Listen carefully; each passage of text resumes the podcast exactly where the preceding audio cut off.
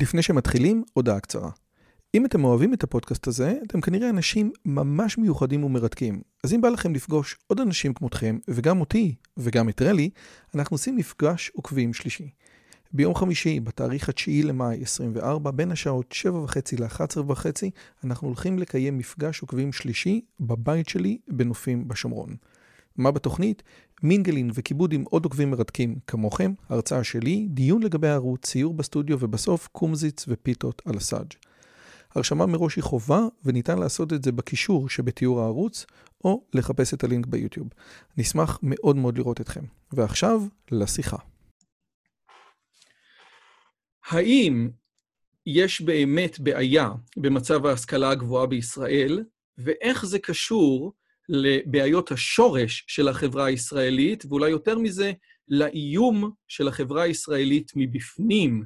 שלום לכולם וברוכים הבאים לערוץ שלי, ערוץ שמדבר על השכלה, אינטליגנציה, וגם איך לגרום לכם להיות יותר משכילים בשיחת הסלון הבאה שלכם. אם עוד לא נרשמתם, אתם מוזמנים גם להירשם, גם ללחוץ על הפעמון וגם להצטרף לטלגרם כדי שתדעו מי הולך להתראיין. והפעם, הפתעה וכבוד גדול, פרופסור דן בן דוד מאוניברסיטת תל אביב.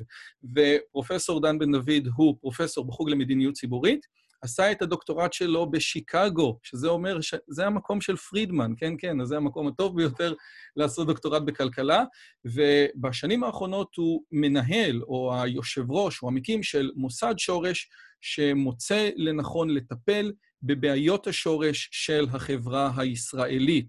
אז קודם כל, פרופסור דן, תודה רבה שהצטרפת אלינו היום. תודה רבה שהזמנת. אז אני אגיד לכם משהו לגבי פרופסור דני. קודם, הוא בן אדם מאוד מטעה, כי מצד אחד הוא... אפשר, אפשר גם דני, לא צריך okay. אוקיי, פרופסור אז קודם. דני בן אדם מאוד מטעה, כי מצד אחד הוא סופר סופר נחמד, הוא מדבר בצורה נורא עדינה. אני נפגשתי איתו בטיסה משותפת לרומא, ופשוט תפסתי אותו במטוס והוא ענה לי בצורה נורא נחמדה וסימפטית על הרבה שאלות. הבעיה היא שהדברים שהוא אומר זה קטסטרופה לא נורמלית. ומה שננסה לעשות במהלך ההרצאה הזאת זה לראות באמת עד כמה הדברים גרועים. אז אני אתחיל משאלה כזאת. יש עכשיו דיונים על סיפוח, ויש דיונים על ממשלה כזאת וממשלה כזאת, ועושה רושם שאתה קורא את הדוחות של מכון שורש, ששווה באמת לקרוא אותם, מדובר על כסף קטן לעומת בעיות הרבה יותר משמעותיות בציבוריות הישראלית, שבעצם אף אחד לא מדבר עליהן. זה נכון? אני לא, לא יודע להגיד לך אם זה כסף קטן או לא, ואני גם, uh, בגלל ששורש uh, uh, הוא א-פוליטי, uh, ואנחנו, אני, אם, אם, לא שאין לי דעות, יש לי המון דעות לגבי הנושאים שדיברת עליהם, אבל אני, אני מעדיף להתמקד במה שקורה בארץ, כי אני חושב שזה בפני עצמו מספיק בעייתי גם ככה. אולי רק להציג את זה בתור פריים, מה בדיוק הבעיה כאן.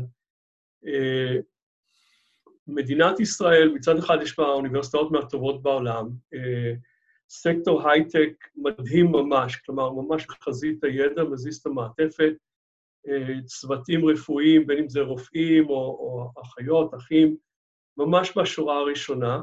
כלומר, באמת מדינת הסטארט-אפ. כלומר, אומת הסטארט-אפ זה ממש מתאים לנו. יחד עם זה, אותה אומת סטארט-אפ, אה, שמסתכלים על הפריון עבודה, התוצר לשעת עבודה, אה, כלומר, מה הממוצע שכל אחד מאיתנו מייצר בשעה, זה מהנמוכים בעולם המפותח, ואם אין די בכך, אה, מאז אמצע שנות ה-70 אנחנו למעשה הולכים ונסוגים במונחים יחסיים מהמדינות המובילות. הפער בין מדינות ה-G7 וישראל גדל יותר מפי שלושה. אה, וזה זה, זה מצב שלא ייגמר טוב, הוא ייגמר בבכי למעשה, שלנו. כלומר, אנחנו, אין, אין דבר שיכול לצאת טוב מזה. והשאלה היא איך יכול להיות שאומת הסטארט-אפ, במקום להתקרב למדינות המובילות, היא בכלל בנסיגה, ונסיגה מתמדת.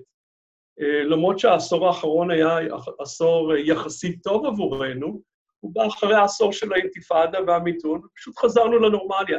הבעיה היא הנורמלי, והתשובה היא ש, שמצד אחד יש כאן את אומת הסטארט-אפ, אבל יש כאן עוד אומה, יש כאן שתי אומות במדינה, או שתי קבוצות אוכלוסייה, יותר נכון להגדיר את זה, בתוך מדינה אחת. קבוצת אוכלוסייה אה, קיבלה את הכלים ואת התנאים לעבוד במשק מודרני, והיא בעצם עמוד השדרה של, של אומת הסטארט-אפ, אבל יש כאן חלק עצום של החברה הישראלית שלא מקבל לא את הכלים ולא את התנאים לעבוד במשק מודרני, והחלק הזה של החברה הוא עצום. לא רק שהוא גדול, אבל חלקו בסך הכל גדל, זה מין משקולת שמפילה כאן מדינה שלמה כבר 40 ומשהו שנים. וזה הולך ונעשה יותר ויותר גרוע, כי, כי מדובר כאן על קבוצת אוכלוסייה אם, אם, אם אנחנו... אה, אה, המשל כאן אולי זה, זה מנוע, אני משתמש בדוגמה הזו לא מעט בהרצאות, יש את כל הצילינדרים של המנוע, יש פה הרבה אנשים מאוד מוכשרים במדינה הזו, אבל הם לא חלק מהמנוע, אז זה רע להם, אז אנחנו רואים אה, שיעורי עוני גבוהים מאוד ופערים גדולים בחברה הישראלית, אבל זה גם רע לכל השאר. כלומר, זה, זה צילינדרים שיכולים לעבוד במנוע, הם לא עובדים במנוע, זה אומר שאנחנו רצים כאן על, על פחות ופחות צילינדרים, קשה לסחוב את העסק הזה קדימה יותר ויותר, וזו הסיבה שאנחנו בדעיכה יחסית למדינות המובילות. זו לא דעיכה אבסולוטית, כי רמת החיים עולה, אבל היא עולה בקצב איטי יותר, וכאן בעצם הבעיה.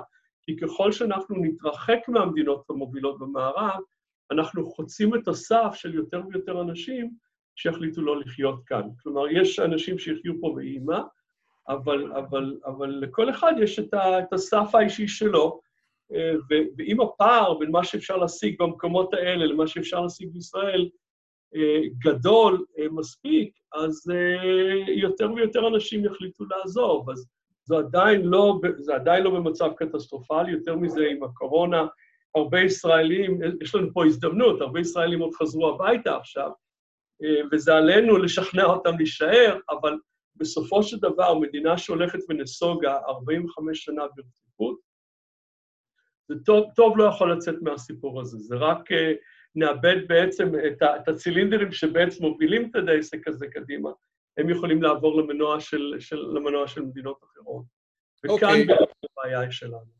אז, אז אתה, בעצם אני חושב שסיכמת בגדול את כל מה שאנחנו רוצים לדבר עליו, אני רק אגיד לכל מי שעכשיו שומע את דני ואומר, רגע, הוא מדבר על, האוכליה, על האוכלוסייה החרדית, אז זה לא נכון, הוא לא מדבר על האוכלוסייה החרדית, הוא מדבר על האוכלוסייה החרדית, הערבית, הדרוזית, אם תרצו, ויותר מזה, הוא גם מדבר על, על, דפר, על, על, על הבדלים בין החינוך הממלכתי לחינוך הדתי, הממלכתי-דתי, שנגיע אליהם עוד רגע. הדבר השני שאתה אומר... אפילו יותר מזה, אפילו יותר מזה, אם הייתי אה, אומר את זה בצורה אה, יותר מופשטת, כשאנחנו מסתכלים על ידע בתחומי היסוד, מתמטיקה, מדע וקריאה, במבחנים הבינלאומיים, למשל, יש לנו אה, מדגם לזה, אז הממוצע של ישראל הוא מתחת לכל המדינות המערביות הרלוונטיות. וזה לא כולל את החרדים, שמרביתם לא לומדים את החומר, אז הם לא לוקחים את המבחן, אז הם לא הסיבה בכלל שאנחנו כל כך נמוכים. אם היו לוקחים את המבחן זה עוד יותר גרוע. אבל נכון. הילדים הערבים במדינת ישראל, דוברי ערבית במדינת ישראל, הם מתחת לכל העולם המפותח, ומתחת אפילו להרבה מדינות עולם שלישי. למעשה, הם מתחת לתשע מתוך עשר המדינות המוסלמיות שהשתתפו במבחן. שזה ואז... בעצם אומר שלא הבעיה עם האסלאם עצמו, אלא הבעיה עם מערכת החינוך הישראלית של האוכלוסייה הערבית. אני אגיד עוד משהו... רגע, רגע, רגע, אני רק רוצה להוסיף כאן, ועל זה, הילדים הערבים הם רבע מהילדים, הילדים החרדים הם חמישית מהילדים. שתי קבוצות אלה לבד הן כמעט חצי, אבל אז יש לנו פריפריה. פריפריה גיאוגרפית, פריפריה חברתית, והיא במערכת הממלכתית-דתית, אבל גם במערכת הממלכתית. במילים אחרות, סדר גודל של מחצית מהילדים היום במדינת ישראל מקבלים השכלה של עולם שלישי, הם שייכים לחלקי האוכלוסייה שגדלים הכי מהר, ולכן זה משהו שהוא לא בר קיימא, כי כשהם יגדלו, הם לא יכלו לתחזק משק עולם ראשון, רק משק עולם שלישי. משק עולם שלישי לא יכול לתחזק מערכת בריאות אה, של עולם ראשון, מערכת רווחה של עולם ראשון, הוא גם לא יוכל להגן על המדינה הזו באזור הכי אלים והכי מסוכן בכדור הארץ, וזה מה שהופך את כל הסיפור הזה לאיום קיומי. אוקיי, okay, אז ברשותך, דווקא בגלל שבאמת אני, אני, אני מצוי ב, במספרים של מכון שורש, כפי שאתה אומר, אני רוצה רק לחדד עוד משהו כדי אה, כי אני יצא לי להתראיין בטלוויזיה על הציונים של פיזה, ואחד הדברים שאמרתי, שימו לב, אם אמנם יש בעיה עם האוכלוסייה הערבית וצריך לטפל בה, אבל אם אתם מוציאים את האוכלוסייה הערבית ובודקים את הממוצע של תלמידי ישראל, אנחנו מעל הממוצע. כנגד מה שאני אומר, אתה בא ואומר, נכון, אבל אנחנו קצת מעל הממוצע, אנחנו לא קרובים לטופ, גם אם מוצאים את האוכלוסייה הזאת. זה קודם כל, זה ראיתי באחד ההרצאות האחרונות שלך. רגע, אבל גם, גם כאן צריכים להיזהר. המערכת הממלכתית היא הרבה, הממלכתית-דתית היא הרבה מתחת לממוצע. הממלכתית היא טיפה מעל הממוצע, אבל הממלכתית זה 40 אחוז מהילדים. או, ש... אז אנחנו נגיע לזה עוד, פע... עוד פעם, כי אה, עושה רושם, ואני שואל את זה בתור דוס, כן? שהממלכתית היא הכי פחות גרועה, הממלכתית דתית פחות, היא יותר גרועה, והחרדית הכי גרועה. מה, מה קורה עם הקורולציה פה בין אה, חשיבה ביקורתית ודת? אבל אני רוצה להתחיל עם, עם, עם משהו שאתה בעצמך אומר, כן? זאת אומרת, אתה פותח את דוח מכון שורש, אני מקווה שכולם רואים את זה, צריך שזאת תהיה ארץ הבחירה. זה מילים של הרצל, אבל זה מה שאתם החלטתם לשים פה בזה שלכם. והדבר הוא מאוד פשוט. אתם בעצם אומרים את הדבר הבא. כמו שאמר אפרים קישון ז"ל, שיש באמת מעט מאוד אנשים שאי אפשר לקנות אותם בכסף, אלא רק בהרבה מאוד כסף, אז לכל בן אדם יש את המחיר שלו. ובאיזשהו מקום, אנשים שיש להם איזשהו ערכים וסנטימנטים מאוד גדולים לארץ הזאת, יישארו לא משנה מה, אבל בייחוד בהרבה מאוד דיסציפלינות, ועוד מעט נראה מה ההגדרה של הרבה מאוד, מי שיכול ומשלמים לו טוב, וההייטק בארצות הברית משלם בצורה בלתי רגילה, פשוט יקום וילך. הגיס שלי אמר לי, שהוא נמצא עכשיו בסיאטל, על כל חודש שאני נמצא בארץ, אני מפסיד כסף כשאני עובד בפייסבוק ישראל ולא בפייסבוק ארצות הברית. אבל ברשותך, דני, אני רוצה לתת מספרים. המספרים שאתה נתת בהרצאה האחרונה שלך היו כזה דבר. פריון העבודה של ישראל זה 44 דולר לשעה, ופריון העבודה של ארה"ב זה 70 דולר לשעה. אתה איתי? כן, כן, שומע. מה זה אומר? מה זה אומר שאנחנו חצי, אנחנו, העובד הישראלי מייצר חצי מהעובד האמריקאי? אתה, אתה יכול להסביר לי את המספרים האלה? מה זה אומר 44 מול 70? אנחנו מייצרים חצי מהאמריקאי הממוצע? אנחנו עצלנים פי שתיים? מה הולך פה? לא, זה לא קשור לעצלנות. אני לא חושב שאנחנו יותר עצלנים. אם בכלל, אנחנו גם עובדים יותר שעות מרוב המדינות בעולם, אז הבעיה היא כאן לא עצלנות, הבעיה היא אה, יכולת לעבוד במשק מודרני, דבר שנגענו בו קודם, וזה בעצם הכלים והתנאים לעבוד במשק מודרני. אז קודם כל, מה המשמעות של, של 44 דולר לעומת 70 או 72 דולר לאמריקאים? אם אני לא יכול לייצר הרבה בשעה, אני לא יכול לקבל שכר גבוה בשעה. אין יש מאין. כלומר, אין, אין מצב, פשוט אין, אין מאיפה לתת לי שכר גבוה אם אני לא מייצר הרבה. השכר קשור לפריון העבודה, זה מה שאתה אומר. קשור בטבורו, כלומר, ברמה ש... ברגע שברמה הלאומית אנחנו, אפילו עם ההייטק, זה עדיין 44 דולר, אז תאר לעצמך איך נראה כל השאר שהוא לא הייטק. וברמת המיקרו, ברמה של כל אחד מאיתנו, אנחנו לא יכולים לקבל שכר יותר גבוה ממה שאנחנו מייצרים. וזה מחזיר אותנו חזרה לכלים ולתנאים. אז אם אין לי הרבה ידע, אם אני לא יודע אנגלית, אם אני לא יודע מתמטיקה, אם אני לא יודע כל מיני דברים שמשק מודרני צריך מעובדיו, אז אני לא, אני, אני, אני מאוד מוגבל בסוג העבודות שאני מסוגל לעשות. אם אין לי את התנאים הסביבתיים, אם, אם יש פקקים בכבישים ולוקח שעה, שעתיים להגיע למקום העבודה, ובסך הכל אני רוצה להתחיל בשכר מינימום, או יום אחד לטפס מעל זה, אבל זה עולה כל כך הרבה במצב כזה להגיע למקום עבודה, אני לא מתחיל בכלל. כלומר, יש כאן חסמים מאוד מאוד משמעותיים ש, שקשורים ליכולות של האנשים, ה, ה, לא היכולות האינהרנטיות, כל אחד נולד עם מה שיש לו, אבל, אבל אנחנו לא מקנים להרבה מאוד ילדים מין זכות יסוד, זכות בסיסית ל, ל, להשתלב במשק מודרני. ואני אה, יכול, למשל, אם ישראל הרי היא מדינה קטנה, היא לא יכולה לייצר את כל הצרכים שלה. אז אנחנו חייבים לייבא דברים ממקומות אחרים בשביל לשמור על רמת חיים גבוהה. בשביל לייבא חייבים לייצא כדי שיהיה מטבע זר, אוקיי? עכשיו, בשביל לייצא ובשביל לייבא ועדיין לשמור פה על פירמות, הפירמות הישראליות חייבות להיות תחרותיות, הן חייבות לדעת לייצר באיכות דומה או טובה יותר, במחיר נמוך יותר. וזה אומר שהן צריכות גם למכור בחוץ לארץ, לייצא זה למכור בחו"ל. זה אומר שצריכים פה אנשים שיודעים שפות אחרות. אי אפשר, אה, עכשיו, אם יש פה קבוצה ענקית שלא יודעת אה, אה, שפות אחרות, יש לנו בעיה. מי שרוצה להתקדם וללמוד בהשכלה גבוהה למשל, אני מלמד בחוג למדיניות ציבורית באוניברסיטת תל אביב, ואחד הקורסים שאני מלמד זה, זה, זה החוג למדיניות ציבורית זה תואר שני ושלישי, זה רק לאנשים שלמעשה הצטיינו בתואר ראשון, יש להם תואר ראשון. ואז הם מגיעים אליי, כי אני החסם בעצם לחוג. הם מתקבלים לחוג, אבל מי שהצליח להתחמק איכשהו מקורס בכלכלה, בתואר ראשון, חייב יסודות לכלכלה, כי אחר כך... רגע, אתה בעצם כמו מבוא לכלכלה מקרו, אתה המסננת שלהם? אני המסננת ש... של החוג, בוודאי. Okay, אוקיי, אני לא היחיד, יש עוד. כלומר, חייבים לעבור קורסים. אבל הקורס יסודות הכלכלה מיועד לכל מי שלא למד אי פעם קורס בכלכלה ברמה מספיק גבוהה, שמאפשר לו ללמוד את שאר הקורסים אצלנו. כי הרי מה זה תואר שני במדיניות ציבורית? זה דומה למנהל עסקים, רק לסקטור הציבורי. זה אנשים שרוצים להתקדם בחיים, לנהל מערכות, להיות מעל המקום שהם היו לפני כן. וזה אומר שהם חייבים לדעת מינימום בכלכלה. הם לא יחליפו את הכלכלנים, אבל הרבה דברים שקשורים לכלכלה הם מאוד לא אינטואיטיביים. אז אני מקבל את האנשים האלה. שוב, אנשים ש, שהצטיינו, היו להם ציונים מאוד טובים בתואר ראשון במדינת ישראל, שמגיעים אלינו, וחלק גדול מהם לא יודע לפתור שתי משוואות עם שני נעלמים, כי הם אמרו, מתמטיקה בחיים אני לא אצטרך, אז למה לי ללמוד? אוקיי? או לא, לא, לא יודעים אנגלית, אבל הטקסט באנגלית, החומר באנגלית, אתם צריכים, כי אתם מדברים פה על ידע ברמה יותר גבוהה. כלומר, אין קיצורי דרך בחיים, צריכים לדעת דברים, צריכים ידע, וזה שמישהו נותן לך פיסת נייר וכאילו יש לך ידע ואין לך ידע, זה לא עוזר לך בחיים.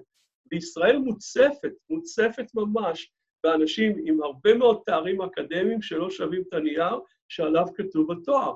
והם נורא מסכנים, כי זה גם עלה להם בזמן, גם עלה להם בכסף, ובסופו של דבר הסקטור הפרטי יודע לסנן אותם החוצה. אז לא רגע, ברשותך, דני, עוד מעט אני רוצה להגיע לנושא הזה של אינפלציה של תארים, שהוא ממש משמעותי בכל הדוחות שלכם, ואני גם כתבתי עליו באחד המאמרים האחרונים לשילוח, אבל זה בעצם אומר משהו מאוד מוזר. אתה אומר, האנשים פה, ואני מצטט אותך, התואר שלהם לא שווה את הנייר שעליו הוא נכתב, וכבר אמרו חז"ל שראשי תיבות של התואר BA זה בלי אנגלית, וזה נורא משעשע, אבל, אתה, אבל, אבל אחד הדברים שאתה עושה כל הזמן במכון שורש, זה הדיפרנציאציה, זה, הש... זה ההבדל בין אוניברסיטאות המחקר ובין המכללות, שעליו אני רוצה להגיע עוד רגע. אבל אתה מקבל סטודנטים מתל אביב. זאת אומרת, יכול להיות שיש בעיה שהיא לא קשורה. או, או אולי שמקבלת אה, אה, אמפליפיקציה במכללות, אבל גם סטודנטים באוניברסיטת תל אביב, בתואר ראשון, או אתה יודע מה, אני אחדד את השאלה עוד יותר, סטודנטים מצטיינים לא מגיעים למה שאתה מדבר. אז איפה... אה, אז, אז, זה, ב, ב, אז זה, לא ב, זה לא בעיה של המכללות, שעוד מעט נגיע אליה, זאת בעיה מערכתית, לא? אז, אז נתחיל מהסוף, הבעיה היא אכן מערכתית, אין, אין ספק בכלל, אבל, אה, אבל רוב, רוב, כל החבר'ה, למעשה, שאני מדבר עליהם, באו ממכללות. אנחנו מקבלים גם סטודנטים ממכללות. זה לא אומר שכל המכללות תפוקות, אגב, שהן לא ברמה גבוהה, יש גם כאלה שכן, ו- ואני רוצה גם להדגיש, טוב שיש מכללות, זה לא משהו ש... או תיכון או אוניברסיטת מחקר, טוב שיש משהו באמצע, בין, ביניהם, בין, בין הרמה של תיכון ואוניברסיטה, כי לא כל אחד מתאים לאוניברסיטה, ולא כל אחד מעניין אותו אה, אוניברסיטה. אבל צריך להיות ברור גם ללומדים וגם לאחרים שזו רמה מתחת לרמה של אוניברסיטה, ושמישהו לא יצפה שאם הוא לומד תואר בכלכלה, נשאר בתחום שלי אה, בכלכלה, אם הוא לומד תואר בכלכלה קרוב לבית וחוסך כסף על שכר דירה, למרות שהוא יתקבל לאוניברסיטה העברית או לתל אביב או לאחד מהמחלקות הטובות, הוא הולך לחסוך בהווה בשכר דירה ובכל מיני הוצאות אחרות, ובעתיד הוא ישלם ביוקר, כי השוק הפרטי יעדיף את האנשים שלמדו ברמה היותר גבוהה. וכך גם אחר כך בתארים המתקדמים, אנחנו מסתכלים, בסופו של דבר, אנחנו מסתכלים מה יודעים האנשים. חבל לנו, עד כמה שאנחנו מסוגלים, אנחנו מנסים לסנן אנשים שאנחנו לא חושבים שיעברו את התהליך הזה, אבל לא תמיד מצליחים, ואז הם נתקלים בי. אבל, אבל, אבל בסופו של יום, זה, זה, זה לא הוגן לאנשים האלה, ש, ש, שבעצם נמכר להם תמונת, נמכרה להם תמונת מצב מסוימת, ו, וכאילו זה שווה ערך. תואר זה תואר זה תואר, וזה לא משנה איפה למדת, זה לא נכון. ככל שאתה לומד ברמה יותר גבוהה, הסיכויים שלך למצוא עבודה טובה יותר גדלים, אתה תוכל ללמוד הלאה אם תרצה יותר בקלות, או ההפך, אם אתה לא תלמד ברמה גבוהה, אתה לא תוכל ללמוד הלאה, אתה לא תתקבל למקומות טובים. אלה דברים שאתה צריך לדעת מראש. עכשיו, אם, אם לחדד את זה עוד יותר, הבעיה מתחילה עוד הרבה לפני שלב המכללות. הרי המשפך להשכלה הגבוהה זה התיכונים. אז רק שנייה, לפני התיכונים, ברשותך, אני רוצה להבין, כי אני לא מבין מה שאתה אומר. אתה מדבר על שתי מדינות. מדינה אחת שמדינת עולם ראשון, שבעצם היא ה start-up nation, ומדינה אחת זה מדינה שהיא עולם שלישי, משהו שמאוד מזכיר לנו את Coming Apart של צ'ארלס מארי, שמדבר על שתי אמריקות, ואולי נגיע אליו עוד רגע, אבל כשאני רואה את המספרים שלך, זה לא שתי מדינות בכלל. זה הקליינה מדינה מאוד קטנה, אני, אני אצטט מתוך מספרים שלך, כן? 2.7 אחוז אחראים ל-40 אחוז מכלל הסחורות של המשק. אני מניח שאתה יכול לתת לי עוד... מה שאתה מציג פה זה לא איזה מדינה של 40 אחוז, 60 אחוז, 30... אתה מדבר על, על, על מספרים שהם לא פרופורציוניים לשום דבר, נכון? אז קודם כל, האם אתה יכול לחדד לי את עד כמה מדובר על חוסר פרופורציה, כן? 0.6% מהרופאים, או 0.1% מהרופאים בגילאים המתאימים, כמה בהייטק, כמה במדעי המחשב. זה לא שתי מדינות, זה מדינה ענקית ומדינה קטנה, קטנה, קטנה. לגמרי. כלומר, אם uh, לחדד על, על, על, על התחומים שדיברת, בהייטק, uh, בכלל בהייטק בישראל, 9% מכלל כוח העבודה. אוקיי? זה כבר, זה רק תשעה אחוז. וזה אבל... כל ההייטק, זה לא רק המתכנתים. כל ההייטק, כל ההייטק, אוקיי? כל ההייטק תשעה אחוז. אבל אם, אם נכנסים לתוך הסיפור הזה, רק 2.7 מכלל העובדים בישראל, 2.5 אחוז, קצת יותר מזה, אחראים ל-40 אחוז מכל ייצוא הסחורות של המדינה, אוקיי? כלומר, על הכתפיים של 2.5, 2.7 אחוז, 40 אחוז מכל הייצוא סחורות. אה, אם אנחנו מסתכלים על כל מערכת הבריאות בישראל, מערכת ענקית, אבל, אבל זו פירמידה, ובפסגה מי שקובע את האיכות זה הרופאים, הרופאים והאחים והאחיות, אבל רופאים בעיקר, זה אם, אם אין רופאים טובים, המערכת לא תהיה טובה. הרופאים האלה, שחלקם אה, באוכלוסייה הבוגרת, 25 אחוז מה... מה אה, בגיל 25 ומעלה, הרופאים הם חצי אחוז מהאוכלוסייה הזאת, 0.6 אחוז. מי מכשיר את הרופאים ומי מכשיר את המהנדסים? חלקם לומדים בחו"ל, אבל, אבל רובם לומדים בישראל, הם לומדים באוניברסיטאות המחקר.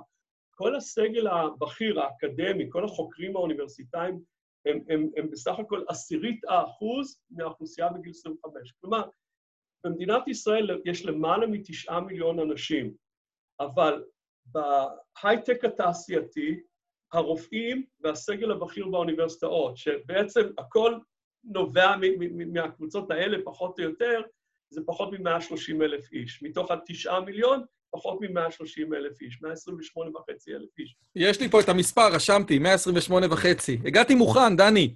הגעת מוכן. אז, אז יש, כאן, יש כאן באמת, לכן כל השיח בישראל חייב להשתנות.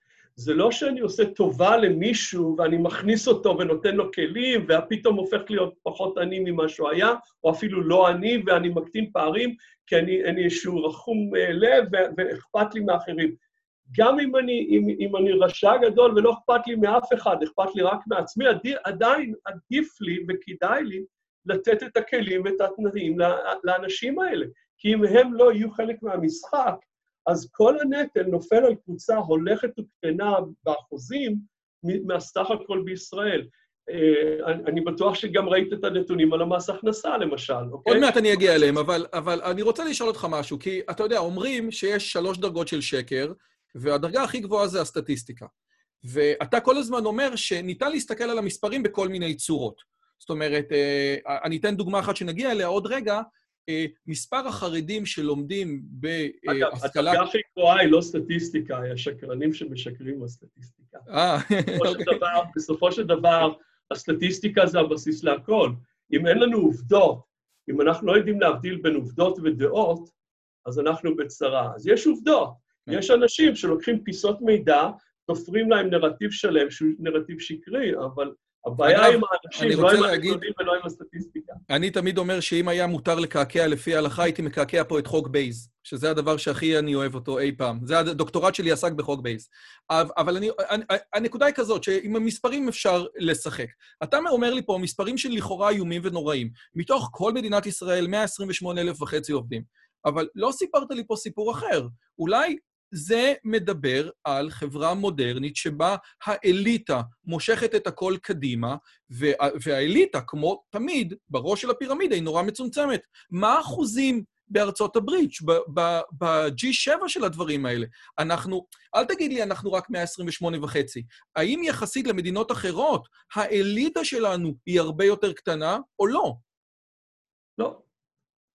אני, אה, כלומר, האליטה יותר קטנה כן, אבל, אבל זה מתחיל מכיוון אחר. נתחיל עם הילדים, הרי זה המשפך ל, ל, ל, לכל השאר, אוקיי? במדינת ישראל, נתחיל להפך, ב-OECD, כשנותנים את המבחן פיזה במתמטיקה, מדע וקריאה, יש להם uh, כל מיני רמות של המבחן הזה, ויש להם, מתחת לרמה מסוימת, אתה בעצם נחשב לנכשל, אתה לא יודע את החומר, אוקיי?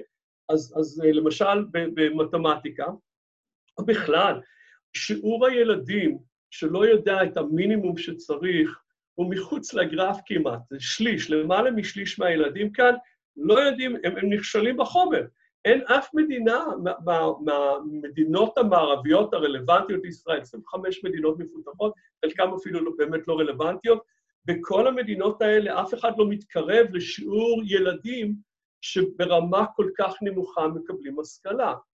ואחר כך כשהם גדלים, אז הם הופכים להיות מבוגרים שלא יודעים את החומר ומתקשים לעבוד. כלומר, הפערים בכלכלה הישראלית, הפערים בהכנסות, נובעים בעיקר מפערים תשתיתיים, תשתית האנושית, ההון האנושי, ההשכלה, ותשתית של ההון הפיזי, כלומר, התשתית תחבורה וכדומה, ותשתית ביורוקרטית שמשפיעה על כל הדברים האלה, אבל אבל, אבל אין אף מדינה, אם אנחנו מסתכלים על הפערים ההשכלתיים, סטיית התקן, ושוב, זה לא כולל אפילו את החרדים, כשאמרתי שליש, זה בכלל לא כולל את החרדים, כי הם לא לוקחים את המבחן, אז התמונה עוד יותר גרועה אם לוקחים אותם בחשבון, אבל כשאנחנו מסתכלים על, על, על, על, על סטיית התקן במבחנים האלה, הפערים בישראל הם, הם ברמות שונות מכל שאר מדינות ה-OECD, פשוט מעל הכל, הפערים הממוצעים.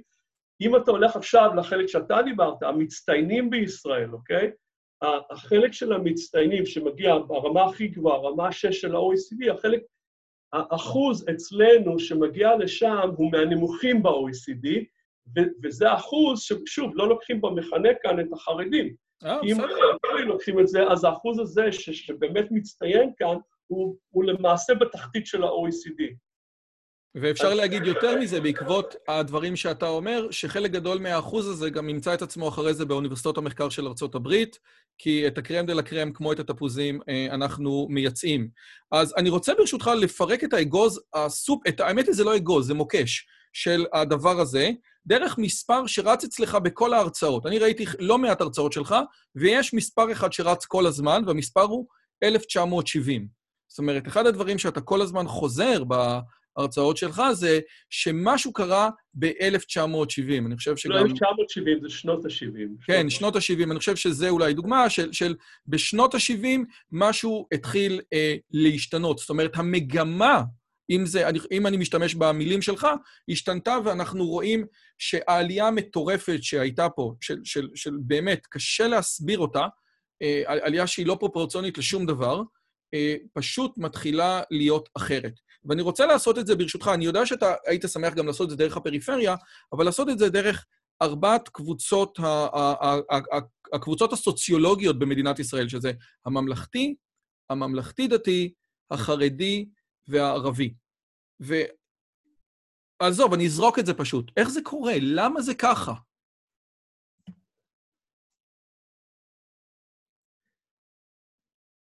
אז ישראל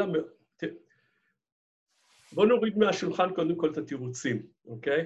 כי התירוצים יש לנו למכביר.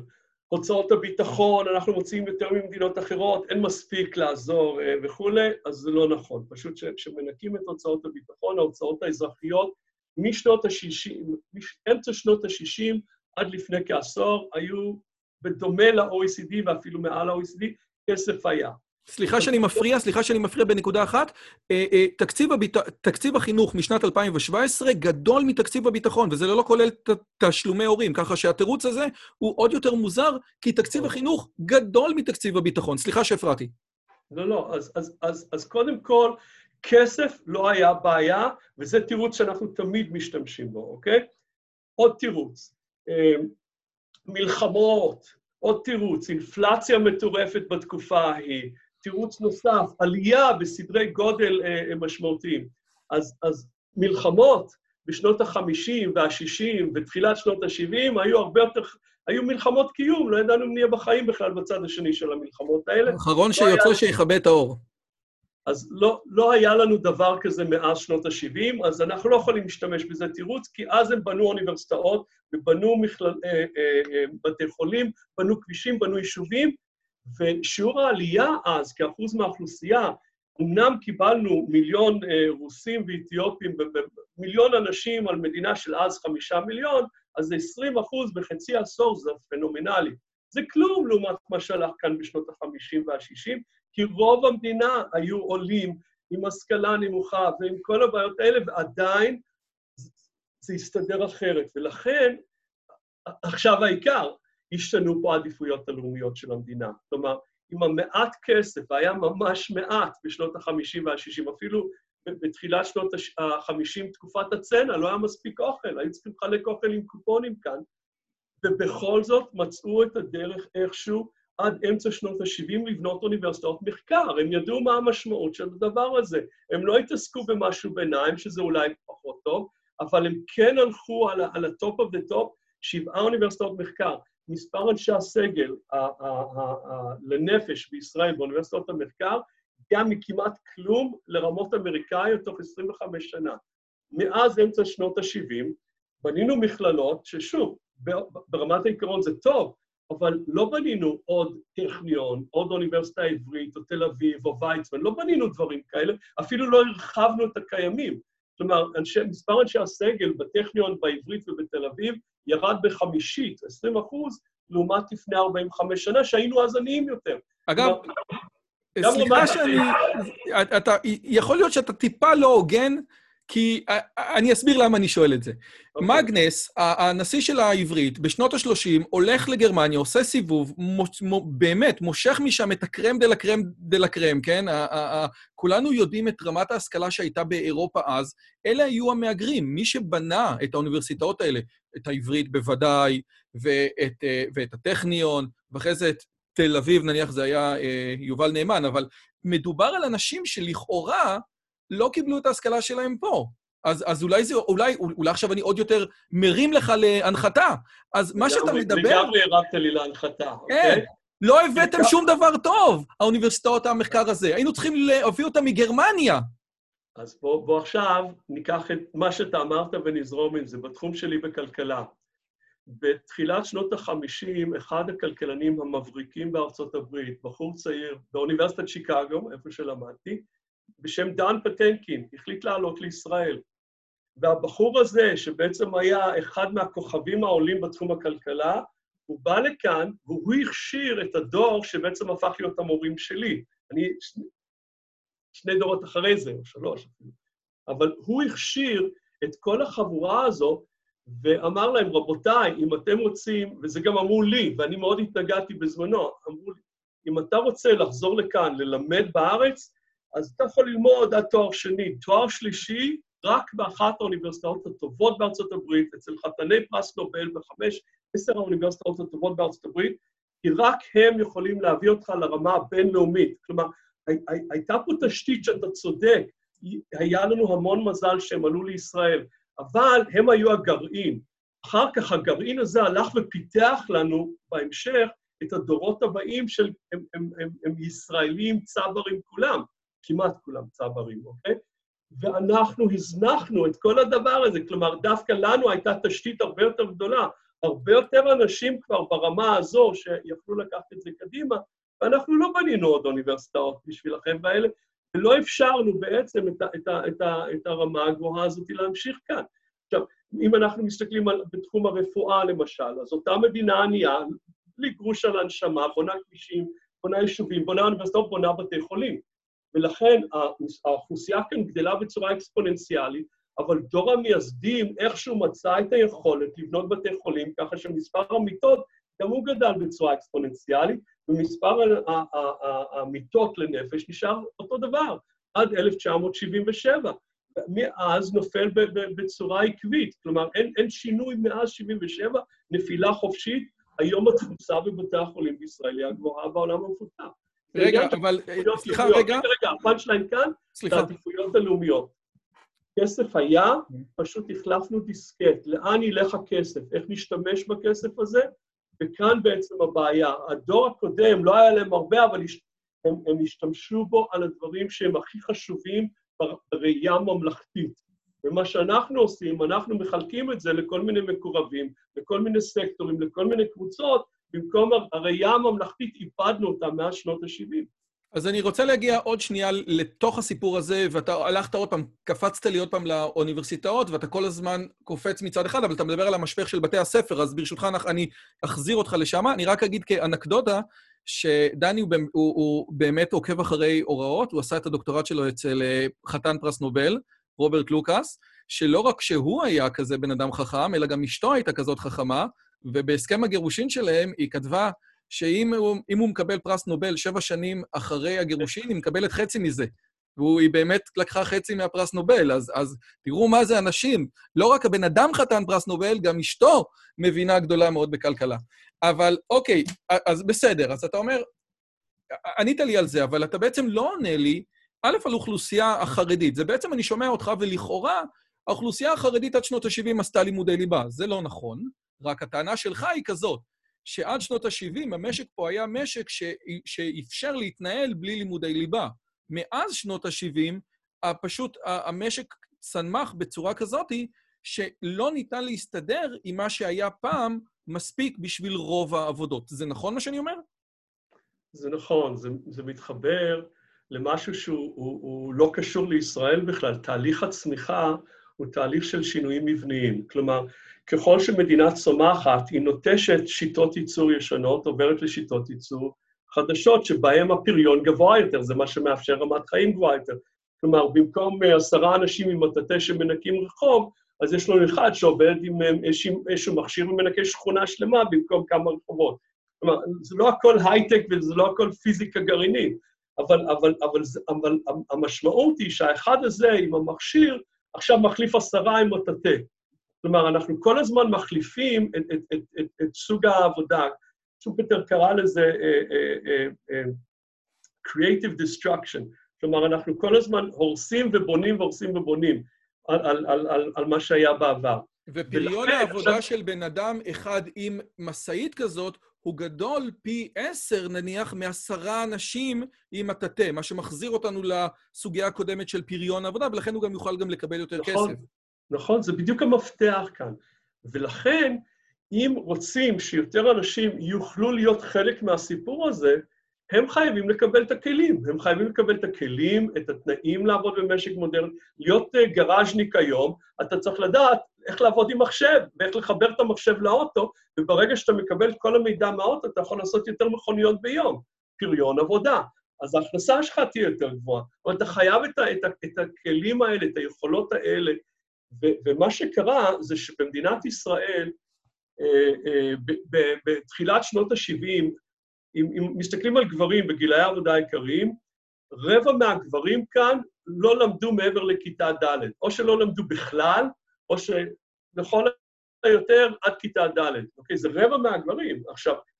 אתה מדבר על אוכלוסייה חרדית וערבית? לא, לא, לא, לא, אני עוד רגע מגיע לחרדים. זה, אני בכוונה, אני, אני רוצה לבנות את זה בצורה מסודרת, אני רוצה לתת, לדבר על החרדים בלי נקודות ייחוס, אין לזה שום משמעות. אז, אז חייבים משהו בשביל להשוות אותם, למי להשוות, אוקיי? Okay. אוקיי? אז בישראל הייתה קבוצה מאוד מאוד גדולה של אנשים חסרי השכלה לחלוטין, או כמעט השכלה לחלוטין, אה, בתחילת שנות ה-70. עכשיו, מאז ישראל התפתחה, אז רוב האוכלוסייה, אני שם בצד חרדים, אני מדבר על יהודים או ערבים, על אנשים שהם לא חרדים בחברה הישראלית, האוכלוסייה ש, שלמדה מעבר לכיתה ד' הלכה וגדלה.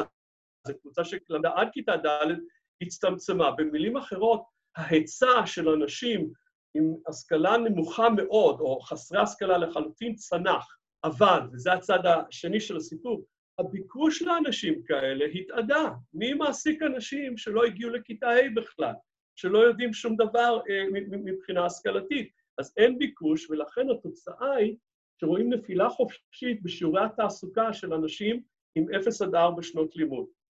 עכשיו בואו נדבר על החרדים. במקרה של גברים חרדים, אה, נמנע מהם, וישראל היא המדינה היחידה בעולם המפותח שמאפשרת להורים למנוע מילדיהם את זכות היסוד ללימודי ליבה. הם לא קיבלו את זה אז, הם לא מקבלים את זה היום. מעבר לכיתה ח', אפילו המעט שמקבלים נגמר אצל, אצל הבנים. אבל בתחילת שנות ה-70 ואמצע שנות ה-70 זה הספיק בישראל של אז. כי אנחנו היינו שונים. זה לא, לא שהחרדים היו שונים, המדינה הייתה שונה, ובן אדם עם השכלה יחסית נמוכה יכול היה למצוא עבודה. ולכן, בניגוד לדעות הרווחות שהחרדים אף פעם לא עבדו, הם עבדו. למעלה מ-80% מהגברים החרדים בגילאי העבודה העיקריים היו מועסקים בסוף שנות ה-70. אתה יכול לחזור שוב על הסטטיסטיקה הזאת? כי אני קראתי אותה אצלך ואני הייתי בשוק. זאת אומרת, בסוף שנות ה-70 היו רוב הציבור החרדי, או הגברים בציבור החרדי, היה מועסק. רוב ענק, מעל 80 אחוז, אוקיי? עכשיו, אם אנחנו מסתכלים על איך זה התפתח על פני זמן, אז קרו כאן שני דברים. עם הכוח הפוליטי באו כל מיני אה, העברות וכל מיני דברים שאפשרו גם לבחור אי עבודה כדרך חיים, אבל אולי יותר חשוב מכל זה, הכלים שיש לילדים האלה, שהם הופכים להיות בוגרים, הם לא מתאימים למשק מודרני ואף אחד לא רוצה להעסיק אותם. כלומר, ברור שיש גם מקרים של אפליה, אבל זה לא הסיפור המרכזי כאן. ולכן, אם מסתכלים על מה קרה לשיעורי התעסוקה של גברים חרדים, זה בנפילה חופשית כמו ה-0 עד 4 שנות לימוד של הלא חרדים. זה ממש אחד על אחד. רואים את הירידה הזאת, ואז שקיצצו בקצבאות, אז יש עלייה מסוימת בשנים האחרונות, אבל זה לא רק קצבאות ילדים, זה כל מיני תשלומים למיניהם, וזה אילץ, אגב, לא רק חרדים, זה אילץ הרבה אנשים עם השכלה מאוד נמוכה, הם חייבים לצאת לעבוד, אין מה לעשות. אז זה זמנית עולה, אבל הכיוון, וזה הדבר הכי חשוב, הכיוון באופן כללי בישראל זה בכל, כמו כל מדינה מערבית אחרת.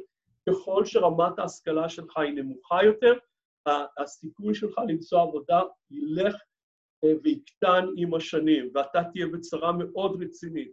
ולכן, זה התפקיד שלנו כמדינה, כממלכה, לתת לפחות את התנאים הבסיסיים, ככה שלפחות מי שרוצה יוכל להיות אה, אה, רופא כמו הרמב"ם, או מהנדס כמו הרבי מלובביץ', שלמד בסורבון ובאוניברסיטת ברלין. אנחנו, סליחה, אנחנו מונעים את האפשרות הזו ברגע שאנחנו לא נותנים השכלה מעבר לכיתה ח', רק גאונים יכולים להתגבר על הדבר הזה. והראיה, רק, רק לסגור את הפינה הזו, האסימון הזה כן נופל אצל יותר ויותר חרדים שרוצים השכלה גבוהה, וזה דבר נפלא. ואנחנו רואים גידול מאוד משמעותי במספר החרדים שפונים להשכלה הגבוהה, למרות שהם לא למדו ברמה גבוהה בבתי ספר, ואז זה מתנקם בהם. קודם כל, עיקר הגידול הוא נשים, לא, לא כך גברים, אבל גם יש אצל הגברים אה, גידול. אבל הבעיה העיקרית זה שרמת הלימודים, גם של הנשים ולא רק של הגברים, היא כל כך נמוכה, ששיעור הנשירה של נשים מהמסלול האקדמי, נשים חרדיות, למעלה מ-50 אחוז. מרביתם לא מצליחים לסיים את המסלול הזה, ולמעלה משלושת רבעי מהגברים לא מצליחים לסיים את המסלול הזה. ולכן, כשאנחנו מסתכלים על פני זמן, מה שיעור החרדים עם תואר אקדמי בגילי העבודה העיקריים בישראל, אז אנחנו בשנים האחרונות כן רואים גידול מסוים אצל הנשים, אצל הגברים, כלום. כבר 15-20 שנה שום דבר לא קורה אצל הגברים, למרות שהם רוצים עכשיו ללמוד יותר, כי אין קיצורי דרך בחיים. אגב, דני... אם אתה לא תוכל מספיק כילד, אתה לא תוכל להתגבר על זה כמבוגר. ברשותך, אני רוצה לשים את הדברים של מה שאתה אומר בהקשר. יש לי חבר טוב שהוא גם שכן שהיה רמ"ד גיוס חרדים בצבא. והתפקיד שלו היה באמת לגייס חרדים, כאשר ברור לגמרי שה-added value של חרדי בצבא הוא הרבה יותר נמוך מהרעיון שאתה מכניס מישהו לתוך שוק העבודה, וזה ברור לגמרי לכל מי שלא יודע, שחרדי שרוצה ללמוד ויש לו את היכולות במדינת ישראל, יכול ללמוד חינם עד הדוקטורט. כמות המלגות היא, היא, היא מטורפת. באמת, השער פתוח. ויש איזושהי אמת או איזשהו מיתוס שאנשים כל הזמן אומרים, ואני אומר את זה בתור בן אדם דתי. אני, אני באמת אומר את זה בתור בן אדם דתי, אז חשוב מאוד לחדד, שהכל נמצא בתורה, שהגמרא מספקת את, ה, את, ה, את הבסיס של כל הדברים האחרים. ומיכי אברהם, מיכאל אברהם, אמר שהוא היה, שהוא עשה את הדוקטורט בפיזיקה בוויצמן, והוא למד בכולל חזון איש בבוקר, אז היו, אז היו אומרים לו, אה, למה אתה הולך ללמוד? הכל בגמרא. אז הוא אמר, ממה נפשך? אם, אם ללמוד ב, לדוקטורט בפיזיקה זה ללמוד תורה, אני הולך ללמוד תורה בבר אילן או בוויצמן, מה זה משנה? ואם לא, אז כשאתם תמצאו בעיית, פתרון לבעיית פוטנציאל בבבא מציע, אז אני אשמח לשמוע את זה. זאת אומרת, אני, עוד פעם, אני אומר את זה בתור בן אדם דתי, חשוב לי להגיד שגם אם אני מאמין שמבחינה מטאפיזית כל העולם בנוי על הגמרא, דה פקטו אתה לא יוצא מזה, אתה לא מתכנן טיל מבבא מציע, ואתה חייב את היסודות האלה שהם קריטיים. אתה ציטטת איזה חתן פרס נובל שדיבר על המשמעות הכל כך קריטית של השכלה בגיל צעיר, לעומת להשלים את הפער הזה בגיל מבוגר. אתה יכול לתת על זה כמה מילים? כן, ג'ים הקמן, מאוניברסיטת שיקגו. הפרה על שיקגו. איכשהו זה תמיד חוזר לשם, אה, אבל, אה, אבל לא רק כמובן, יש עוד, יש עוד שניים, שלושה שהם אה, סתם. אנחנו כולנו חיים בצל של מילטון פרידמן. אבל, אבל ג'ים הקמן קיבל פרס נובל על, על סדרה של עבודות, שאם נתמצת את זה לגרף אחד, זה גרף שמראה ככל שמגיעים לילד בגיל מוקדם יותר ומשרים אותו ונותנים, ועונים על כל השאלות, הרי ילדים קטנים מלאים בשאלות ורוצים להבין הכל והכל, וזה קל, הם כמו ספוג. וככל שמגיעים אליהם בגיל צעיר יותר ומלמדים אותם, התשואה, אם עכשיו משתמשים במונחים כלכליים, התשואה הכלכלית לילדים האלה תהיה הרבה הרבה יותר גבוהה. והתשואה הזו יורדת עם הגיל. ככה שאם אנחנו מזניחים את הגילאים האלה, יש סיבה למה כל העולם המערבי דורש ליבת לימודים בבתי ספר. אנחנו היחידים שזה לא חובה.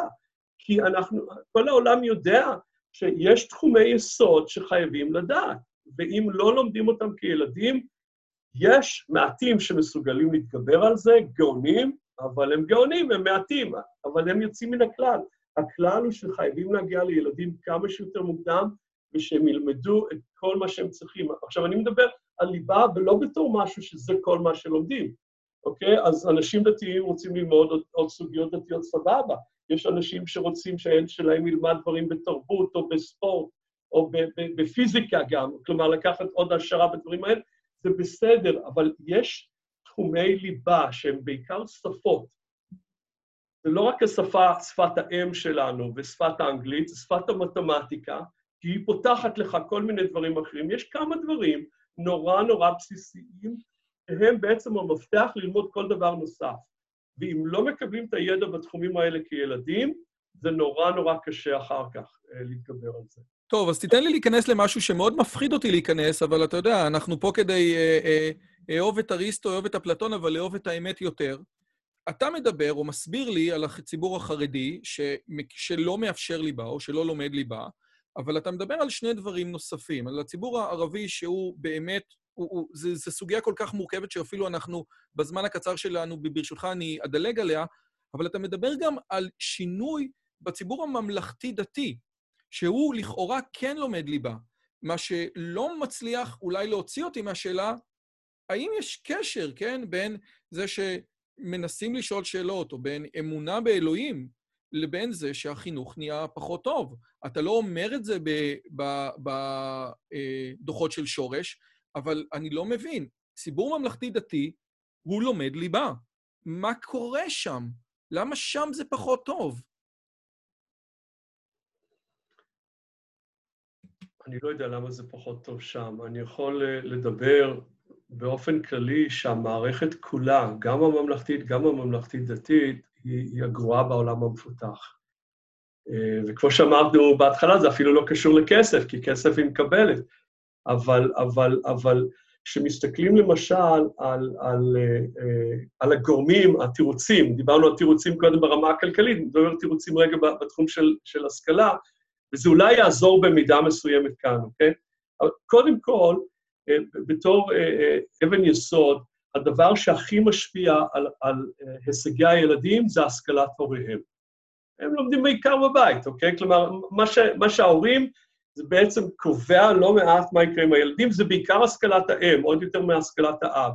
עכשיו, לתת מושג עד כמה הבעיה עם מערכת החינוך בישראל גדולה, uh, הציפייה בכל מדינה מתוקנת זה שהיא תהיה מערכת ציבורית, מערכת חינוך ציבורית, שתצליח להקטין במידה מסוימת את התלות הזו בהשכלת ההורים. אז במדינות שמצליחות הכי במבחנים הבינלאומיים למשל, אז ילד שאימו לא, לא למדה בכלל, או, או למדה ברמה יחסית נמוכה, יסודי ולא מעבר לזה, ההישגים שלו נמוכים בשישה אחוז מילד שאימו סיימה תיכון. בקצה השני, בחו"ל, ילד שאימו סיימה עם תואר אקדמי, ההישגים שלו גבוהים בשישה אחוז מילד שאימו סיימה תיכון. כלומר, אם אנחנו מסתכלים על איך ההשכלה של האימהות משפיעה על ההישגים של הילדים, אז, אז היא משפיעה, מינוס 6 עד פלוס 6. ישראל זה 12, בין תואר אקדמי לבין בלי תיכון זה 12 אחוז. כן, אבל, אבל בישראל זה מינוס 20 עד פלוס 20. המערכת בישראל הרבה פחות טובה בלהתמודד, וזה לא כולל חרדים, כי הם בכלל לא לומדים את המבחנים הבינלאומיים, הם לא לומדים את החומר, לא לוקחים את המבחנים. רגע, אני רק רוצה לחדד בשביל הצופים שלנו, כי יש לנו גם אנשים בפודקאסט. זה אומר שהסיכוי של ילד להצליח במבחנים אם אמא שלו לא סיימה תיכון, נמוך ב-20% מאשר אם אמא שלו סיימה תיכון, והסיכוי של ילד להצליח אם אמא שלו סיימה תואר ראשון, גבוה ב-20% מאשר אם היא סיימה רק תיכון. מה שאומר, כמו שדני אומר, הפרש של 40% לכאורה בין, אה, אה, בין אימא שלא סיימה תיכון לאמא שעם תואר ראשון. עד כאן אמרתי את המספרים בסדר? אי אפשר לומר בדיוק 40 אחוז. נכון, בסדר, אבל... אפשר לומדים למעלה כן. ולמעלה, 40 נקודות אחוז. אז מה אני אמור להבין מזה? שילדי ישראל הרבה יותר מושכים את ההשכלה שלהם מההורים, או הרבה פחות מושכים את ההשכלה שלהם מבית הספר? כולם מושכים מההורים. ההבדל הוא שבמדינות עם מערכת חינוך טובה, המערכת הזו מתמודדת טוב יותר עם הפערים שבאים מהבית, וזה ההבדל המרכזי. למשל, אנחנו יודעים שיש קשר הדוק בין רמת ההשכלה שלי לרמת השכר. ככל שאני משכיל יותר, אני מרוויח יותר. ככל שאני מרוויח יותר, אז א', אני יכול לחיות בשכונות עם בתי ספר טובים יותר, ב', אני יכול לקנות עזרה לילדים שלי, ואם אני משכיל, אני גם יכול לעזור להם באופן ישיר. כלומר, זה לא סוד איך, מה, מה הקשר בין הורים להשכלת הילדים. עכשיו, אם יש מערכת חינוך טובה, אז היא גם מצליחה לעזור לילדים שההורים שלהם לא משכילים, לתת יותר הזדמנויות לילדים האלה, ובעצם לגרום להרבה יותר אינטגרציה חברתית, יותר מוביליות חברתית אחר כך. והמערכת שלנו היא הגרועה בעולם המפותח בהקשר הזה, וזה בלי לקחת חרדים. אני קודם כל מדגיש, כי זה לא קשור לחרדים, אלא מה קורה אם אתה לא לוקח את האוכלוסייה הערבית בחשבון? סליחה, מה קורה אם אתה לא לוקח את האוכלוסייה הערבית, שבאמת גם היא אנומליה בפני עצמה, אנחנו עדיין נשארים עם מספרים כאלה משמעותיים? קודם כל, הקשרים האלה קיימים, אבל הערבים הם בטח חלק מהסיבה לפערים, אוקיי? אבל, אבל בסדר. זה, זה לא אומר, למשל, ש, שהילדים במדינות מוסלמיות, אה, ההורים שלהם יותר משכילים מה, מההורים הערבים בישראל, ועדיין ההישגים של תשע מתוך עשר המדינות המוסלמיות שהשתתפו במבחן הפיסה, הם גבוהים יותר, כולל לבנון וירדן. כן. אה, כלומר, יש כאן, יש כאן בעיה. עכשיו, אז כשמדברים על מה הבעיה של מערכת החינוך, אז היא בעצם מחולקת לשלושה חלקים, אוקיי? אחד זה מה לומדים, תוכן, אוקיי? קודם כל, אין לנו ליבת לימודים מוגדרת. אנחנו כל מדברים על חרדים שילמדו ליבה, מדינת ישראל שתואיל קודם כל לקבוע ליבת לימודים.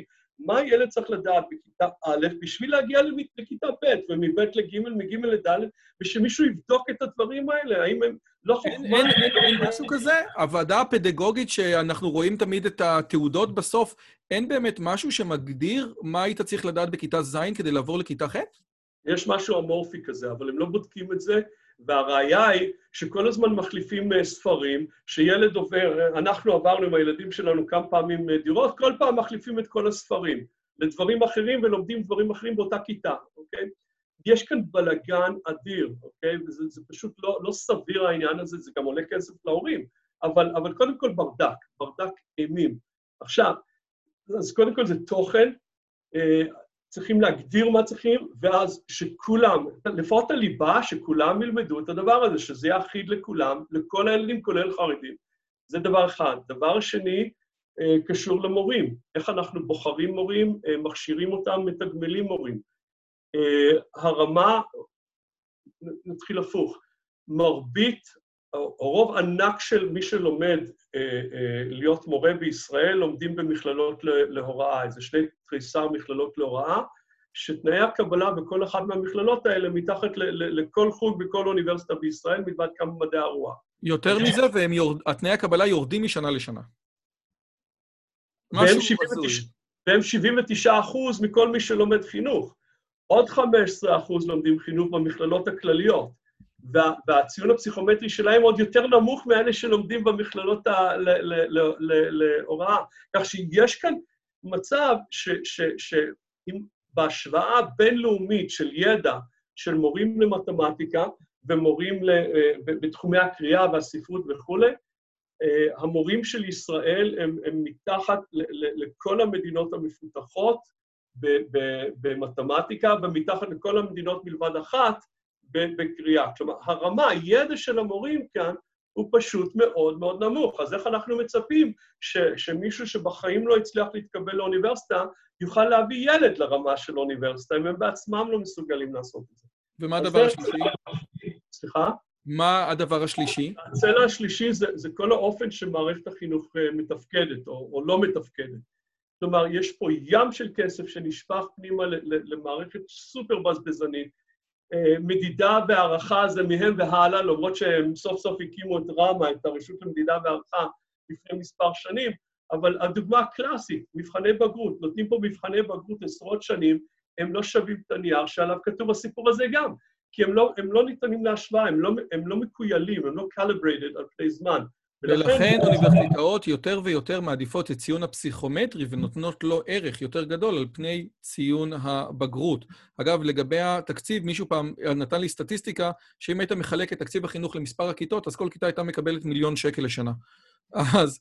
אה, ואגב, אוקיי. אגב, אם אתה מחלק את כל התלמידים, לא במספר הכיתות, אלא במספר המורים. מספר הכיתות, אז יש לנו כיתות עמוסות. אבל אם אתה לוקח את כל התלמידים, מחלק במספר המורים שווה ערך משרה מלאה, אנחנו דומים ל-OECD. אין שום סיבה שיהיו פה כיתות עמוסות, כי אנחנו מממנים מספיק מורים במשרה מלאה בשביל לממן את הסיפור הזה, ועדיין הכיתות כאן עמוסות, עוד משהו שקשור לתפקוד המערכת. טוב, דני, אנחנו הגענו בשלב של הראיון אחרי שהייתי נורא נחמד לשאלות הקשות. ועכשיו זה שאלות קשות מאוד, ואני בש, בש, בש, בשלוש שנים האחרונות אני מתעסק בתחום הזה ממקום אחר, עוד מעט אני אגיד לך מאיפה, ויש לי רק שלוש שאלות אליך, שהן קשות. ועוד פעם, בתור אחד שמעריך את העבודה שלך וקרא את הדוח של שורש, איך אומרים? כריכה לכריכה. אז אני אתחיל עם השאלה הראשונה.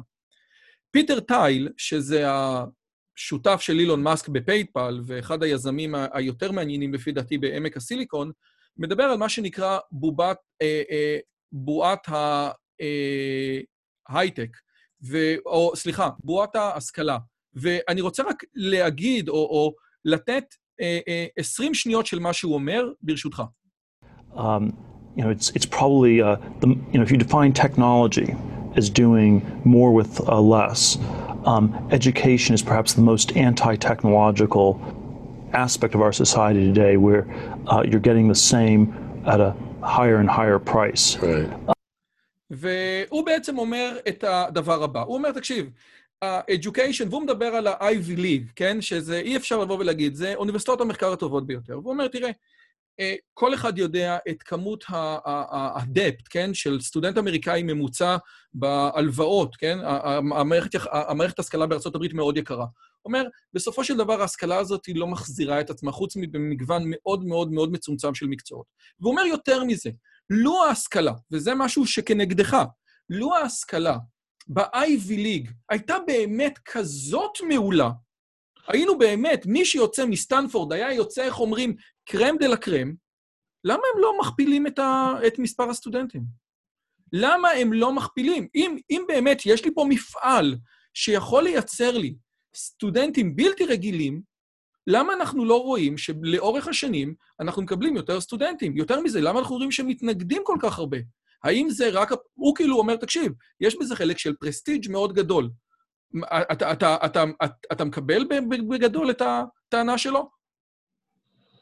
קודם כל, הוא צריך להבין אותה, אה, ואני לא לגמרי מבין את, את, את התרגום שלך. אני הבנתי אותו דווקא, אבל אני לא, לא לגמרי מבין את הפרשנות כאן, כי... אגב, אני, מה, מה שהוא אומר, הוא אומר את זה אחרי זה, פשוט לא, לא רציתי okay. אוקיי. להעריך... לא, כשאנחנו מדברים על זה שהם צריכים להגדיל, אם זה כזה...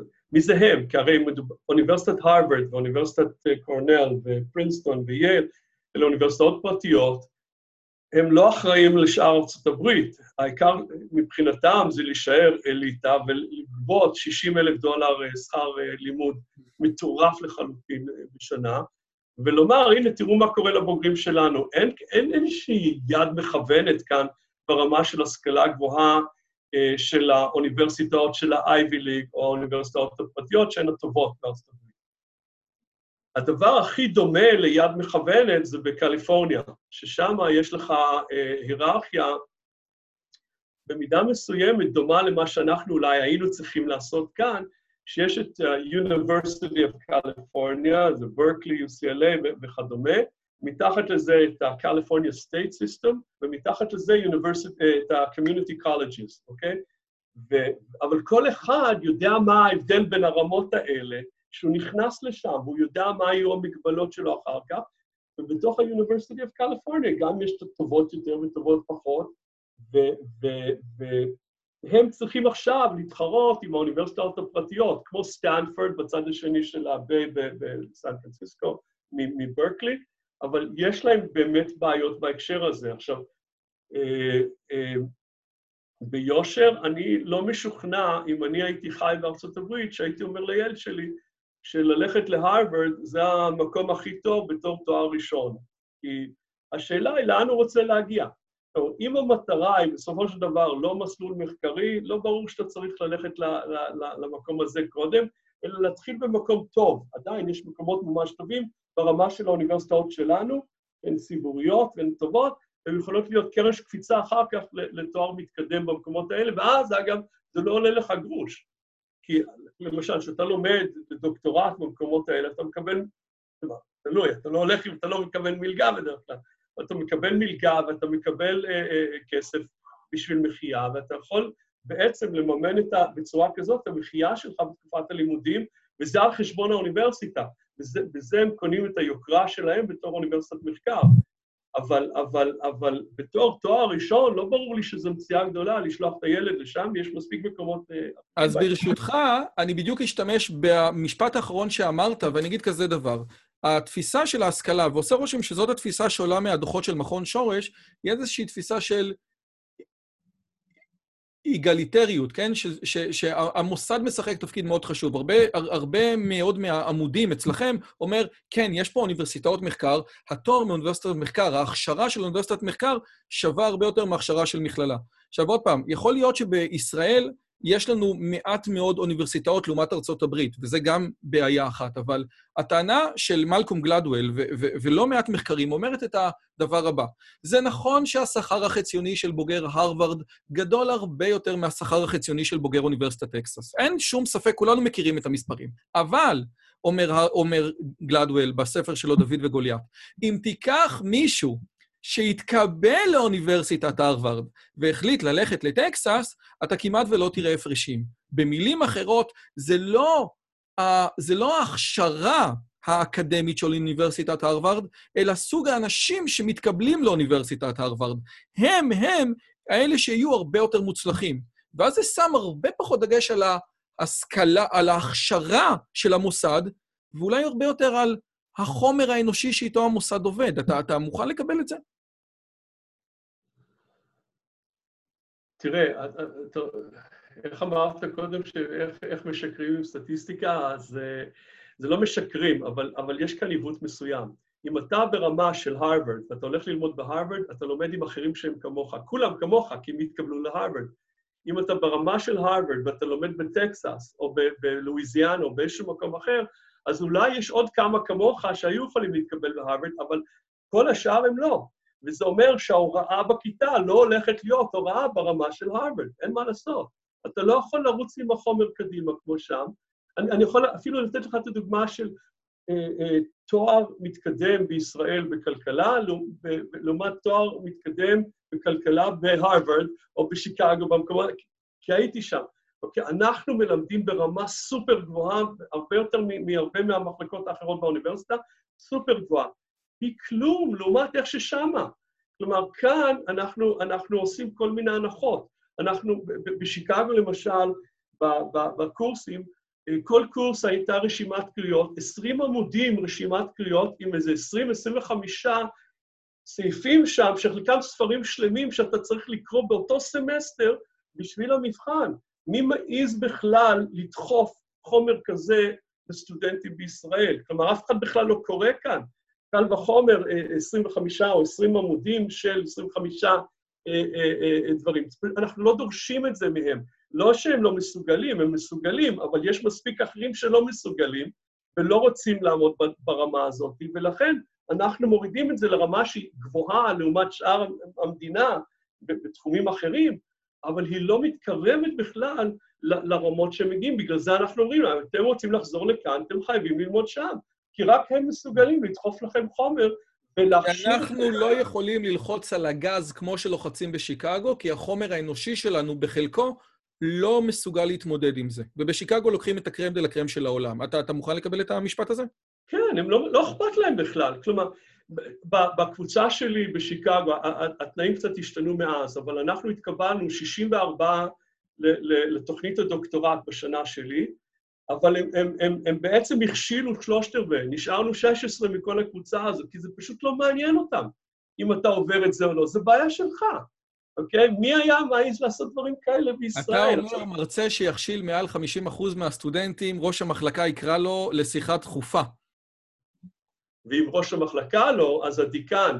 ואם הדיקן לא, אז גם הרקטור וגם הדיקן וגם הנשיא ישבו לו על הראש. כי אתה לא יכול לעשות דבר כזה כאן, במיוחד לא בתואר מתקדם, כי תואר מתקדם זה יותר, בגלל המפתח של הוות"ת, זה יותר כסף לאוניברסיטה. כן. אז מה אתה מעיף לי פה סטודנטים ששווים כל כך הרבה כסף לאוניברסיטה? אגב, אני רוצה להגיד לך שאני מסכים איתך במאה אחוז. אני למד, למדתי את התואר הראשון שלי בתל אביב, ואחרי זה עברתי ללמד באריאל, אה, וגם במקומות אחרים. אני באמת רואה את ההבדל. אני, אני, אני גם רואה הרצאות שניתנות היום באמת בגלל המוקים ב-MIT ובסטנפורד. אתה רואה באמת, אה, אה, אה, ברוך השם, שיש לך הזדמנות לחזות בדברים בלתי רגילים, ובהקשר הזה זה אה, נכון. כנגד זה, גלדוול אומר, אתם צודקים לגבי הכל, פשוט יש משהו אחד. ה-GRE או ה-GPA, נכון? שזה המיקום היחסי של הסטודנט, זה ה-GPA, נכון? ה-GPA, okay. אוקיי. שזה המיקום היחסי של הסטודנט, משחק תפקיד הרבה יותר משמעותי בפסיכולוגיה שלו. והשאלה האחרונה, אה, השאלה האחרונה היא, נכנס מישהו. אה, אתה יודע איזה מילה לא קיימת בדוח של שורש? איזה מילה לא נמצאת שם? יש הרבה מילים. איזה מילה... יש שם שניים, שלושה מילים שלא ש... לא, לא נמצאים שם. לא, יש שם מילה שאני חיפשתי, ומאוד התפלאתי שלא מצאתי. אתה יכול לנחש איזה? אין לי מושג. אינטליגנציה. כלום. לא אינטליגנציה, לא מנת משכל, לא איי-קיו. ואני כתב... רגע, למה שזה יהיה קשה... למה ישראלים, הם יש להם מנת אינטליגנציה גבוהה יותר ממישהו אחר, שאז לא, הציפיות... לא, הנקודה היא כזאת, הנקודה המרכזית, הנקודה המרכזית של מה שאתה מדבר בהקשרים האלו, זה בעצם של, אני אתן דוגמה מההרצאה האחרונה שנתת לידידי אוניברסיטת תל אביב, שאנחנו נרפרנס אותה גם פה. אחד הדברים שדיברת על, כאילו, על, על היכולות של אה, אה, ארצות הברית, כן? אז דיברת על ההכשרה של ההיספנים, ההכשרה אה, של השחורים, ההכשרה של הלבנים וההכשרה של האסייתים. כאשר בצורה ברורה, מה שאתה קראת לזה הכשרה, בהרצאה שנתת לידידי אוניברסיטת תל אביב, לא מעט אנשים אומרים, זה אינטליגנציה. האינטליגנציה הממוצעת של לבנים היא 100, של היספנים היא 92, של שחורים היא 85, ושל אסייתים היא 105, מה שגורם לסטנפורד, מה שגורם MIT לנרמל את ציוני הפסיכומטרי שלהם כלפי מטה. אז יכול להיות עוד פעם שאנחנו בתוך הסיפור הזה של מכון שורש מתעלמים מאיזה שהן יכולות בילד אין, ואנחנו שמים את הכל, עוד פעם, אני, המכון שורש מדבר על הרבה דברים, אבל בהקשר ההשכלתי, יכול להיות שאנחנו פשוט מתעלמים מזה שלא כולנו שווים ביכולות שלנו?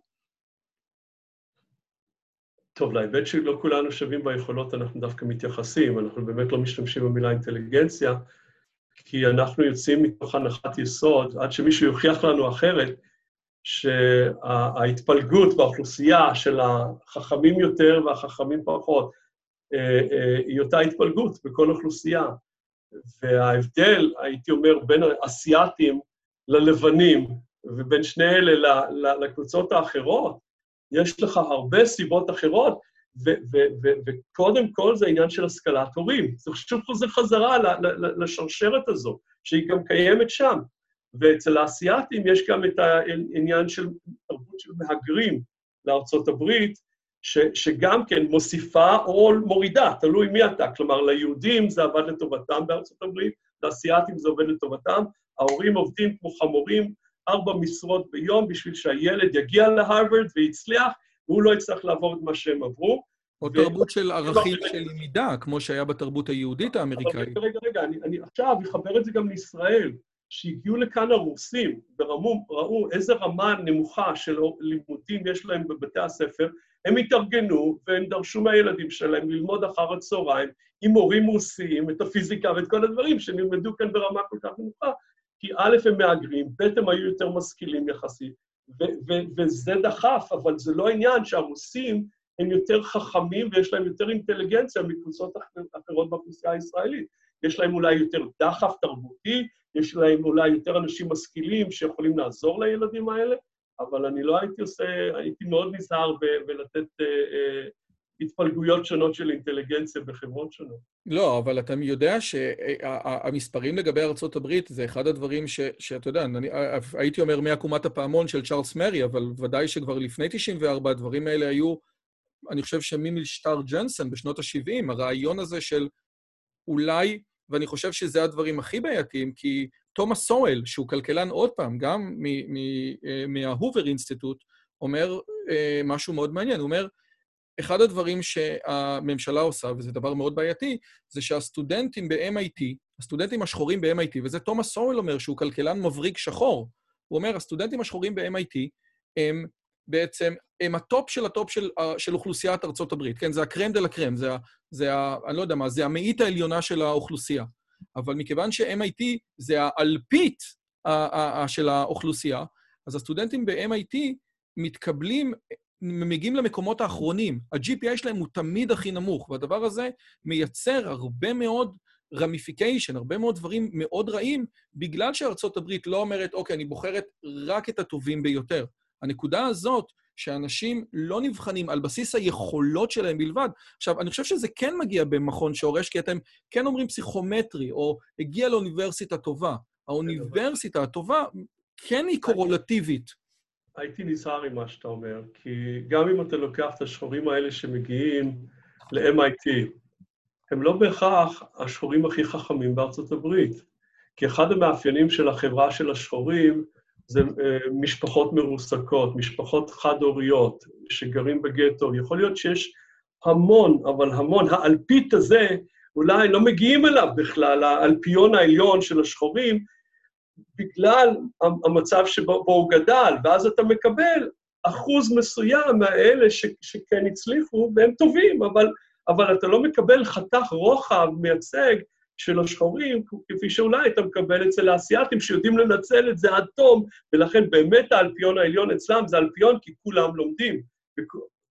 אבל, אבל אחוז הרבה יותר גדול לומד הרבה יותר, ולכן האלפיון שם הוא הרבה יותר ייצוגי לחברה כולה, מאשר האלפיון של השחורים, שהוא רק חלק מה, מהחברה הזאת, חלק בכלל לא במשחק. וזה גם קורה בישראל. כלומר, זה, זה בדיוק, לזה התכוונתי. יש כאן אני יוצא מתוך הנחת יסוד, אני לא יכול להוכיח את זה, אבל לא מכיר מישהו שהפריח את זה, שההתפלגות האינטליגנטית של אנשים היא אותה התפלגות לא קשור לחברה. השאלה היא איך אתה מזין את זה. זה גם כן קשור להתפתחות האינטליגנציה, קשור למה שאמרנו על הקמן. אם אתה עוזר לילדים האלה שהם קטנים, ואתה כל הזמן מאתגר אותם וכל הזמן מלמד אותם, אתה הולך לראות איי-קיו טסט אחרים לגמרי אחר כך. אבל זה לא אומר שלילדים האלה לא הייתה יכולות אחרות, לא היו יכולות אחרות אם לא היית מגיע. אגב, אני מסכים איתך מאוד שההתפלגות היא תמיד אותה עקומת פעמון, רק יש פה שתי שאלות. א', מה באמת הממוצע, סביב מה עקומת פעמון הזאת עומדת? והשאלה השנייה, כמו שאתה מראה ב-2.7 אחוז שאחראים על כלל 40 אחוז מכלל הסחורות, מסתבר שאנשים עם יכולות קוגניטיביות מאוד גבוהות, בייחוד במשק של עולם ראשון, ה-added value שלהם לחברה, לכלכלה, הוא עוד יותר מוגבר. אבל uh, קודם כל, אני רוצה להגיד לך ממש ממש ממש תודה רבה על הזמן שלך. אני אגיד לך שאנחנו שואלים את המרואיינים שלנו שתי שאלות בסוף, שהן לא קשורות. א', האם אתה יכול לתת לי שם של ספר שקראת בחמש שנים האחרונות שהפך לך את הראש? זה יכול להיות גם משהו מלפני שנה, אבל משהו שאתה אומר, זה משהו שממש שווה, לס... שווה לבדוק אותו. לא.